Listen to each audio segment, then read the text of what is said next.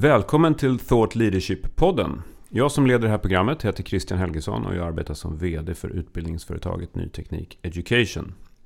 Syftet med den här podden är att lyfta fram och intervjua thought leaders, alltså kunskapsledare, som belyser olika kompetensområden med strategisk betydelse för våra moderna organisationer.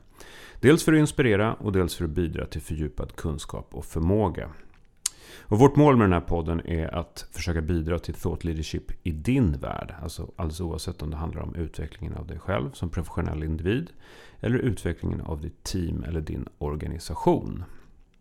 I det här avsnittet så ska vi prata om patent och forskningsbaserad teknisk innovation. Ett superspännande ämne. Så mycket som 40% av alla inlämnade patentansökningar i Sverige finns redan inlämnade ansökningar om eller patent för. Och en framgångsfaktor för snabb och effektiv utveckling är att tidigt i innovationsprocessen arbeta strukturerat med befintliga källor i forsknings och patentdata för att utvärdera redan tillgängliga lösningar på tekniska problem. Det här låter ju enkelt, men det är det kanske inte riktigt. Och det här ska vi prata om idag. Och det ska vi göra tillsammans med Måns Marklund. Måns har mer än 20 års erfarenhet från innovations och patentbranschen. Inte minst från PRV, Patent och registreringsverket. Eh, men Måns arbetar idag som specialist på avancerade modeller för värdering av forskning och patent. Och Måns är också kursansvarig för Ny Teknik Educations utbildning inom området patent och forskningsbaserad teknisk innovation. Varmt välkommen Måns! Tack Christian, jättekul att vara här. Superroligt att ha dig här. Vi, kan, vi börjar som vi gör eh, som vanligt helt enkelt. Vem är du professionellt och vad, vad håller du på med om dagarna? Ja, tackar. Jo, men eh, jag är ju grundare av ett bolag som heter Kaskelot som jag idag är VD för. Och eh, Kaskelot är specialiserade på just analyser av eh, i, i huvudsak innovation och patent. Men vi tittar på lite annat också som är närliggande. Och eh, jag är ju i grund och botten civilingenjör från KTH i teknisk fysik och eh, har egentligen från början en inriktning mot halvledarteknik och optik där jag började. Men eh, har som du var inne på då, jobbat i stort sett hela mitt yrkesliv inom patent och innovationsbranschen då framförallt inom patent och på Patent och registreringsverket i väldigt många år. Och eh, den här idén till Kaskelot eh, startade för säkert eh, över tio år sedan. Men eh, det är lite drygt två år sedan, två och ett halvt år sedan snart som jag startade det här bolaget då. Mm. Och den bygger på tanken att eh, det finns otroligt mycket spännande information i just patentdata som, som jag har jobbat med. Och eh, då har vi tagit fram algoritmer där vi kan analysera patentdata för att hitta spännande eh, ja, vad, vad är det egentligen som är grunden till teknisk utveckling? Hur ser vi? Vad är det mm. som driver teknisk utveckling? Så att, ja, men det är det jag jobbar med. Jag jobbar med väldigt många olika teknikområden. Det är jättespännande. Allt från life science till batterier och energisystem. Uh, ja. Superspännande. Men då om vi börjar i, ehm, i själva ämnet då. Alltså teknisk innovation baserad på patent och forskningsdata. Hur hänger det ihop och vad, vad, vad innebär det?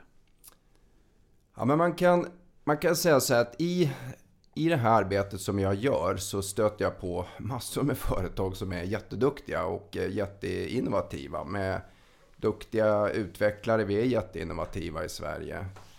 Och de är väldigt bra på att lösa tekniska problem generellt sett. Eh, men det, det man märker ganska snabbt att de flesta utgår bara från den kunskap de sitter på just nu. Den de har med sig från högskolan och som de har lärt sig på jobbet. Man tar inte in särskilt mycket information från vad gör andra? Vad gör våra mm. konkurrenter? Vad har de för patent? Och eh, just den här idén om att kanske bygga ett system där man har input från vad gör konkurrenter, vad finns det för andra patent på området eller kanske på andra tekniska områden som man aldrig har tänkt på. Ofta sitter man ju och jobbar med sin sitt utveckling på något batteri eller någonting och tänker inte på att samma problem kan uppstå i en helt annat teknikområde. Mm. Och det är ofta där vi har innovationer och, och uh, uppfinningar. Mm. När man lyckas korsbefrukta de här olika. Så att den här teknisk innovation baserat på det är ett försök från mig att, att jobba med företag från början. Då, att få in ett sånt här system, lära ut metoder för hur man kan samla in, lära ut enkla eh, gratisdatabaser man kan använda för att eh, söka patent och forskningsdata eller forskningsartiklar eh, som hjälper en i det här mm. innovationsarbetet. Så det är, det är grunden till den tanken. Om man tittar på, på företag då. Eh, hur ser den typiska innovationsprocessen ut i, i bolag där ute? Och var finns potentialen enligt dig att effektivisera den här processen?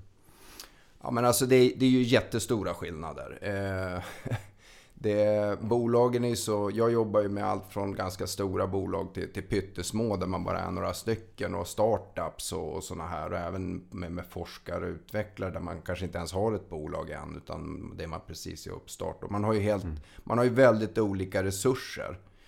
Men om man ska generalisera någon sorts hur jag ser på hur de flesta bolag eh, är uppbyggda så har man någon utvecklingsavdelning, man har ett antal utvecklare, vad de nu jobbar med för teknik. Och sen har man ju affärsledningen, ofta separat, som jobbar med försäljningen och marknadsföring, jobbar med, med kunderna. Mm. Och sen i väldigt många fall man blir lite större så antingen har man ju en intern eller en extern IP-avdelning som jobbar med att, att försöka patentera då eller skydda varumärken eller vad det nu kan vara för någonting. Och skulle jag säga någonting om potentialen i att jobba med sån här data så handlar ju det om att faktiskt eh, vara lite mer utåtvänd i alla de här tre. Så mm. det, det, är viktigt även för affärsledningen att förstå att innovation i vårt teknikområde sker inte bara liksom eh, i vårt, på vårt utvecklingsteam utan det sker hos konkurrenter och hur kan vi utnyttja det affärsmässigt? För det är också det är en jätteviktig bit av innovationsprocessen att det blir affärer i slutändan. Eller mm. det blir produkter som vi, vi kan använda. Så jag tycker väl att den stora potentialen i att effektivisera den här processen det är ju att vi är innovativa men vi kan bli mycket mer effektiva. Vi kan spara mm. pengar, vi, vi, vi kan spara tid. Eh, vi kan hitta mycket bättre samarbeten genom att öka förståelsen i organisationen för hur vi tankar sån här liksom, information. Okay. Och vilka, vilka metoder och verktyg finns det att tillgå? Alltså, hur, tar man, hur tar man reda på om det redan finns bra lösningar för, på de problem som vi som företag då vill lösa? Hur, hur går vi tillväga? Ja, men jag brukar skämtsamt säga att gå till dig själv. Vad är det första du gör om någon ber dig lösa ett problem? Ja, du googlar ju. Mm. Du, du sätter ju inte och tänker liksom. Fram, det gjorde man ju förr i tiden, för då fanns inte de här verktygen. Mm. Eh, och uppfinnarna hade liksom någon, någon sån här mystisk aura av att sitta i, i källaren och tänka ut smarta lösningar. Men så gör ju ingen idag. Man, man, man tittar ju på Google och man ska laga en punktering på cykeln. Mm. Och lite så är det ju här också. Det är bara det att det finns ju otroligt mycket andra databaser och andra verktyg när man behöver vara lite mer exakt i sina sökningar än, än de träffar man får på Google. Då. Och till exempel Google har ju speciella, de har ju Google Patents där man bara söker på ja. patent. Mm. Fast i Google. Och mm. de har ju även Google Scholar där du bara söker på vetenskapliga artiklar. Mm. Och lite grann tycker jag att det brukar vara det första jag säger. Att man behöver bli medveten om att de här verktygen finns. Och eh, börja använda dem helt enkelt. Det är ju en invänjningsperiod. Jag menar min, eh, mina föräldrar, de googlar inte jättemycket. Utan mm. det är ju mm. någonting man. Men mina barn, de gör ju ingenting utan liksom mobilen och, och söker information och tittar vad som finns. De har ju liksom, hela deras inlärningsprocess i skolan är ju att man för, mm hittar information istället för att kunna saker. Verkligen. Så det har ju förändrats jättemycket och, och det är det vi behöver egentligen lära ut, eller det är det jag lär ut väldigt mycket. Att, att eh, hitta sådana metoder och de verktyg. Och gratis eh, patentdatabaser och även eh, sådana som är kanske lite mer avancerade som man betalar en slant för finns det ju väldigt mm. gott om. Just det. Men om man tittar på, på eh, företag där ute Om, om du skulle lyfta fram något eh, lite best practice eller kanske något typexempel. De mest framgångsrika företagen där ute, hur jobbar de?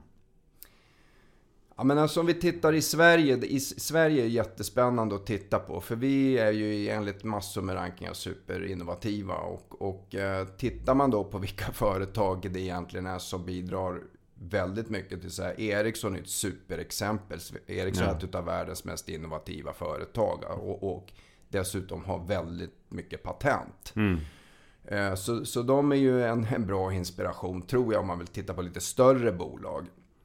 Eh, Spotify tycker jag är jättespännande. Det är sådana mm. bolag som jag också ofta tar upp. Att folk tänker att ja, men det är digitalt, det är liksom mest varumärke och liksom mjukvara och så här. Men de har en, en jag tror säkert över 300 patent. Så mm.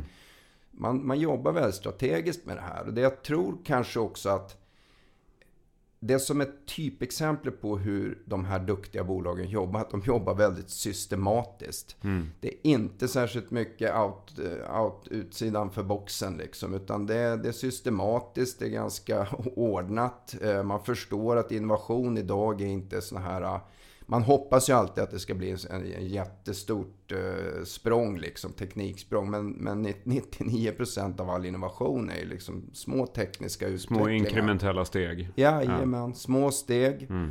Och eh, det tycker jag är typiskt. Man ser de som är väldigt duktiga. Att de har väldigt bra system och de är systematiska. Och, och liksom håller sig till och använder det dessutom. Då. De, de är systematiska i att utvärdera. Vad finns det för verktyg vi kan använda och så vidare. Hur kan vi utveckla våra metoder? Mm. Du, du, kanske redan lite grann har varit inne på det, men jag vill ändå borra lite till. Eh, för man tittar på patentansökningar så, så är, visar det sig att 40% som vi sa inledningsvis, 40% av alla patentansökningar är redan inlämnade eller det finns patent för. Hur skulle vi kunna bli bättre och mer effektiva i våra innovationsprocesser? Så att vi inte liksom behöver uppfinna hjulet om och om igen. Där. Ja, men som jag var inne på tidigare, alltså steg ett är att förstå att vi lever i en helt annan värld idag än för 10-20 år sedan. Alltså det, det, publiceras så himla mycket patent och mm. forskningsartiklar. Alltså det, även för en forskare är det idag nästan, nästan omöjligt att hänga med. Jag har ju haft massor med exempel här med, med företag och forskare jag jobbat med. Så att det är en forskare inom eh, batteriteknik behöver kanske titta på eh, ett par hundra patent i månaden. Mm. För att hänga med hur mycket som händer. Och så steg ett är att förstå att det är så här. Mm. Och det leder ju liksom till nästa steg då. Hur ska vi undvika att göra det som redan är patenterat? Ja, vi måste ju ha koll på de här på något sätt. Mm. Och... Eh, Antingen att man lär sig söka själv mm. i patentdatabaser eller att man skaffar den kompetensen externt eller, eller bygger upp någon funktion som kan, kan hjälpa företaget eller universitetet att kontinuerligt skanna av marknaden. Vad händer mm. på de områden där vi vill vara som mest framgångsrika? Och det här är någonting som, eh, som vi behöver ta ganska stora steg i Sverige skulle jag säga. Det, det är så? Mm. Absolut. Du, eh, finns det någon samverkanspotential? Eh, nu, nu lyfter jag blicken lite grann. Om man tittar på eh, mer ett makroperspektiv kanske. Om man, om man, eh, finns det samverkanspotential mellan myndigheter? Exempelvis PRV, men det kanske finns andra myndigheter också. Och näringsliv och företag för att effektivisera och förstärka Sveriges innovationsförmåga. Finns det en, finns det en politisk agenda här? Eller finns det en politisk vilja att, att driva den här frågan? Vi kan börja med den politiska agendan och viljan. Den, den, tycker jag är ganska avsaknad. Och jag kan ju för sig förstå det. För att till viss del är det komplext. Men eh, jag menar, vi, be vi, behöver höja kunskapen hos politiker också. Och liksom om att det här är väldigt viktigt för Sverige. Eh, att, att liksom hänga med i den här utvecklingen. Mm. Eh, tittar vi på samverkan generellt, där är ju Sverige historiskt jag säga, ganska bra. Vi har ju haft den trippel helix-modellen som vi pratar samverkan mellan myndigheter och industri och akademi. Mm. Eh, men det är även så där att jag, jag känner väl att eh, vi lever lite så här fat cat syndrom. Vi, vi upplever att vi är så innovativa så att vi inte behöver göra någonting. Men mm. Men det räcker inte för att eh, som sagt utvecklingen går så pass fort. Så jag, jag, tror definitivt att det finns framförallt, som du är inne på, samverkan mellan myndigheter, eh, företag och, och eh, akademin. Mm. inom det här området. Den är jätteviktig. Och kunskapshöjning generellt sett. Mm. Alla de här tre eh, delarna behöver förstå det här mycket bättre. Att mm det är ett annat sätt att lära sig, det är ett annat sätt att utnyttja kunskap än vad man har gjort tidigare. Mm. Så definitivt. Och PRV är ju en spelare som är jätteduktig. De håller ju utbildningar och eh, informerar om hur man använder patentdata och hur man gör. Eh, Svenskt Näringsliv är väldigt engagerade i den här frågan och de, de jobbar jag en hel del med och, och, eh, de är jätteduktiga och driver på det här. Att det här är något, de har ju insett att det här är något vi måste få på plats helt enkelt. Ja. Du, och, om man tittar då, om man lyfter blicken ännu mer och tittar på ett internationellt perspektiv. Hur står vi oss, hur står vi oss där? Alltså är, är företag i andra regioner, jag tänker dels EU såklart, men även USA och Asien, Kina kanske. Eh, är de bättre eller sämre på, eller är vi bättre eller sämre på att utnyttja patent och forskningsdata i innovations och utvecklingsprocesser? Eh, nej men alltså som jag var inne på. Eh, Sverige är ett jätteinnovativt land. Vi har, vi har Alltså alla förutsättningar egentligen. Jag brukar beskriva som att vi har typ världens bördigaste trädgård. Mm. Vi är inte jättebra på att liksom plocka frukterna och, och sälja dem vidare och liksom förstå hur vi ska hantera det här. Mm. Och det är ju det här med patentdata och informationsvetenskaplig data. Att använda den som input då. Eh, och där ska jag väl säga att om vi jämför med, som du var inne på, USA och Asien så det, håller ju EU definitivt på att hamna efter. Både USA och Asien. Och inte ja. hela Asien, men vi, vi pratar ju Singapore, Korea, Japan, Kina. De är, mm. driver ju det här fruktansvärt. Och framförallt Kina, där är det ju mm. en boom sedan tio år tillbaka. Då. Eh, men även USA. USA driver också väldigt hårt eh, inom det här området. Att, att använda patentdata eller data överhuvudtaget för att driva teknisk utveckling och innovation. Mm. Och en följdfråga på det där, lite grann som vi var inne på med Sverige också då. Finns det en, finns det en internationell politisk agenda här? Alltså, ehm, eh, finns det konkurrens mellan regioner eller länder? Och hur agerar olika länder i patentfrågorna så att säga? Jo, men det gör det. Och eh, jag, tror att, jag tror att det kanske är där vi har, kanske har nyckeln lite grann varför de här stora skillnaderna håller på att uppkomma. Men det jag är inte expert på det, men jag upplever att EU ser ju patent och, och innovation som en, en, ekonomisk framgångsfaktor. Det råder inget tvekan om och därför driver ju EU den här frågan också hårt. Tittar vi på Kina och USA, mm. för dem är det här ett geopolitiskt eh, maktmedel. Mm. Alltså innovation handlar ju inte bara om att tjäna pengar. Det handlar om att få ett, ett, ett, ett maktmässigt övertag eh, geopolitiskt på väldigt många sätt. Tekniskt övertag betyder väldigt mycket. Mm. Och ett superbra exempel, att ta det här hemska kriget i, i Ukraina nu. Jag mm. menar, det är ju helt klart att, att det är ganska bra att ha bästa vapnen helt enkelt. Och mm. de är ju innovativa. Det är ju inga mm. gamla grejer, utan det här är ju nytt. Och väldigt många kommer ju dessutom, vi har ju sett vad man efterfrågar är ju sånt som är ja, det nyaste, modernaste som, som man kan använda. Så att mm. det är där jag ser skillnad. USA, Kina har startat alltså, geopolitiskt innovations krig eller vad vi ska kalla det liksom. Och, mm. och uh, driver det på det sättet. Och EU hänger inte riktigt med. För för oss är det fortfarande mer en ekonomisk fråga att, att nå ekonomisk framgång. Så jag, jag tycker att det är större än så. Du, avslutningsvis och sammanfattningsvis. Vilka är dina topp tre tips för att spara tid och pengar i innovationsprocesser? Ja, om jag ska göra jättekort då. Ett, samordna och systematisera eh, i hela organisationen så att alla är med. Använd patentdata och informationskällor på något sätt. Se till att få in det i organisationen. Och sist men inte minst, samarbeta med andra. Externa experter, högskolor och universitet, ta in ex expertis. Det, det är de tre råden jag ger till nästan alla. Det är där man har möjlighet att komma långt. Superbra Måns! Du, stort tack för att du kom hit till Thought Leadership-podden och stort tack till alla er som har lyssnat idag. Tusen tack Christian!